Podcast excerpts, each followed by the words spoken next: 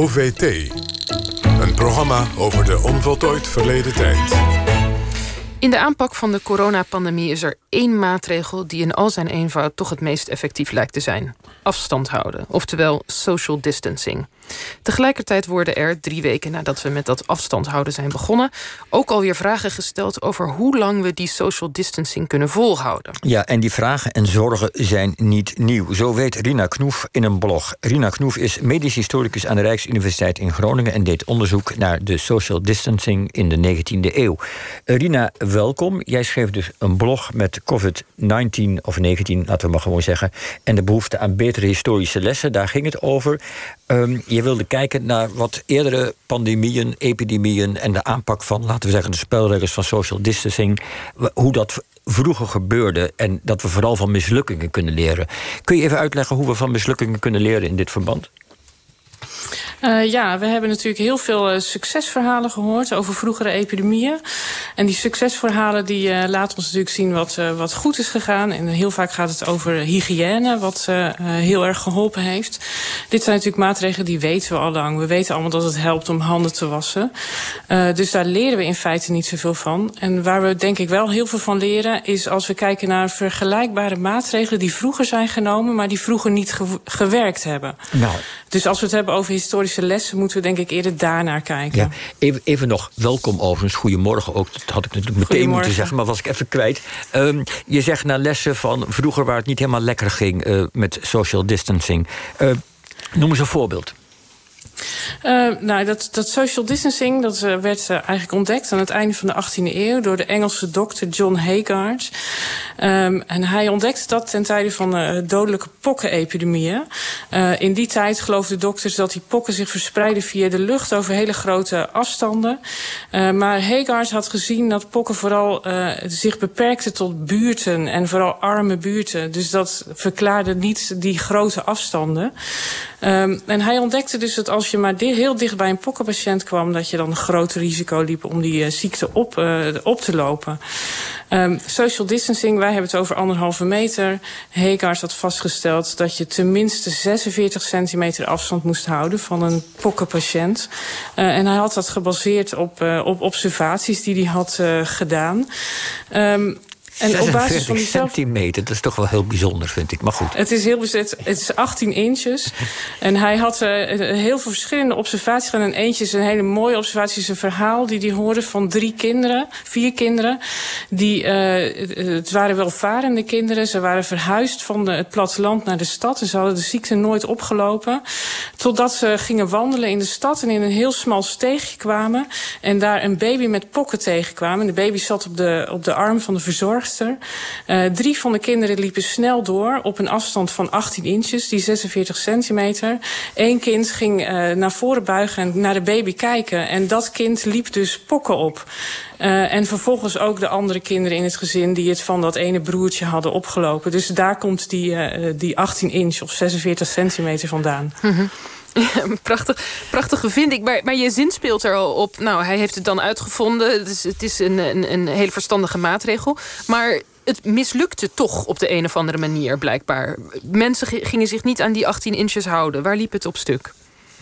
Uh, over het algemeen uh, liep het stuk op uh, sociaal-economische verschillen. Hè? Dus de armen die konden niet thuis blijven om die pokken niet verder te vers verspreiden. Want dat ging ten koste van hun levensonderhoud. En de rijken die vonden het eigenlijk wel goed met die regels... zodra ze zelf een, een, een mate van groepsimmuniteit hadden bereikt.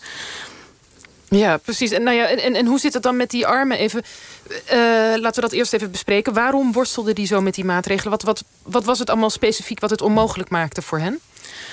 Nou, die armen die moesten binnenblijven. En het ging vooral om kinderen hè, bij pokken. Uh, dus het betekende dat uh, de moeder binnen moest blijven. Ze kon niet uh, werken en ook niet in inkomen voorzien. De vader moest ook vaak binnen blijven, de andere kinderen ook. dat kon je misschien wel een paar dagen volhouden... maar dan had je gewoon geen geld meer om, om eten te kopen. Nu had Hegaard daar wel wat op gevonden. Hè. Hij had een liefdadigheidsorganisatie op, opgezet... die een soort financiële compensatie bood... Um, en, en hij had ook een gezondheidsinspecteur die moest checken of de familie zich aan de regels hielden. Uh, maar toch zie je dat die opzet uh, uiteindelijk niet uh, succesvol was. En dat kwam door een aantal dingen. Sommige mensen wisten niet van die financiële maatregelen. Anderen die konden het toch niet volhouden, want je werd pas betaald nadat de ziekte volledig was verdwenen. En dat kon wel weken duren. En vaak kwam de inspecteur ook te laat en was de pokken al uitgebroken en verspreid. Ja, nu, nu zeg je het kon toen niet omdat die armen aan geen toegang hadden en geen kennis om, de, om, om laten we zeggen, de hulp uh, naar zichzelf toe te trekken van overheidswegen. En tegelijkertijd waren ze zo arm dat ze wel de deur uit moesten. Ja, allemaal verschrikkelijk natuurlijk toen de tijd. Maar je zou denken dat is nu toch helemaal geen probleem. Want iedereen heeft toch wel net voldoende om, uh, en meer dan dat, misschien sommigen, uh, om het te kunnen redden. dit zou nu toch geen probleem hoeven te zijn?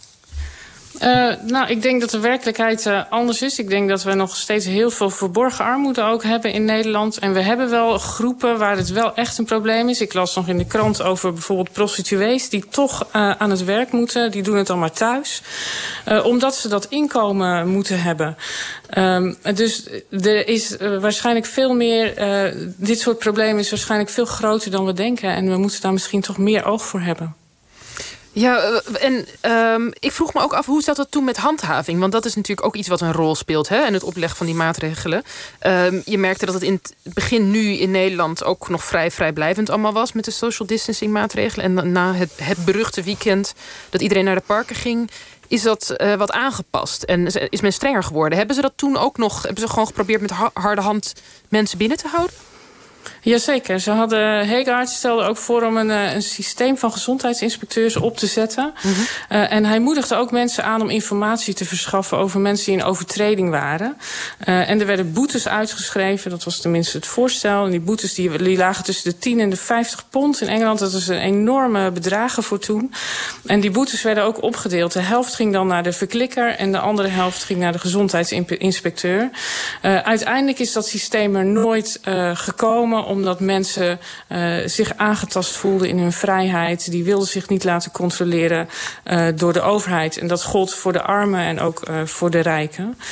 Um, ja, dat, dus ja. dat is een belangrijke uh, ja. effect geweest. Waar we natuurlijk ook benieuwd zijn uit, vanuit ons huidige perspectief... is de, die hele simpele vraag, wanneer houden we er mee op en mogen we weer gewoon met elkaar gezamenlijk de deur uit en elkaar ontmoeten.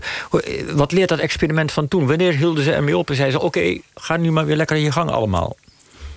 Uh, uiteindelijk hielden ze ermee op toen er gevaccineerd werd. Uh, dus ik denk dat dat voor ons ook uh, waarschijnlijk zal gaan gelden. Zodra er een vaccin uitgevonden wordt die wat echt helpt... dan kunnen we er echt helemaal mee ophouden. Maar dan zitten we nog een jaar. misschien wel, ja. Lekker perspectief. Ja. En dat, maar dat is, dat is ook het probleem. Dat was vroeger het probleem. Dat die maatregelen heel erg lang duren. En mensen echt in de knel komen. En dat is denk ik ook de les die we kunnen leren. Hè? En dat is uh, wat we nu misschien ook wel gaan zien over, uh, over een x aantal weken. Wat we in feite eigenlijk nu ook al zien. Hè? Er zijn steeds meer mensen die vragen gaan stellen bij... moeten we toch niet wat uh, versoepelen, al die maatregelen. Um, ik denk dat we daar heel erg goed naar moeten luisteren... naar de stemmen die dit zeggen. Uh, want de geschiedenis staat eigenlijk wel aan hun kant. Want uiteindelijk op de lange termijn zie je dat het misloopt. Ja, leg dat dus uit. De geschiedenis is altijd fijn als de geschiedenis aan je kant staat. Uh, meestal ja. is dat bij de verkeerde mensen het geval. Maar in, in dit geval, uh, leg dat dus uit. Um, de, de geschiedenis van heel veel epidemiebestrijding uh, laat zien dat uiteindelijk epidemieën helpen als er echt goede medische interventies komen. En die, het uitvinden van die medische interventies neemt tijd. In de tussentijd ben je eigenlijk aangewezen op, uh, op leefstijl. Spelregels. Uh, interventies, spelregels. en de geschiedenis laat zien dat die spelregels een aantal weken goed gaan en dan komt de klad erin. Ja. en om het dan nog maar vol te houden is heel erg lastig. Ja, hoe, wanneer gaat het fout in Nederland? Doen ze een voorspelling? Hoe lang houden we het nog vol? Nou, dat vind ik wel heel erg lastig. Ik woon zelf in Groningen. En ik merk in Groningen, daar is natuurlijk het probleem minder groot dan in de rest van Nederland. Uh, ik merk hier al een soort uh, versoepeling in de manier waarop mensen ermee omgaan. De mensen overdenken. Het lijkt zo te zijn. Dus het zet al een beetje in, denk ik. Ja, dus jij ziet al de eerste signalen wel... van wat meer losheid op straat. Ja. Oké, nou dan hebben we genoeg om over na te denken... Om, te om, om nog eens te kijken hoe we kunnen zorgen... dat mensen zich er wel aan blijven houden. Rina Knoef, heel erg bedankt voor dit prachtige historische voorbeeld... en je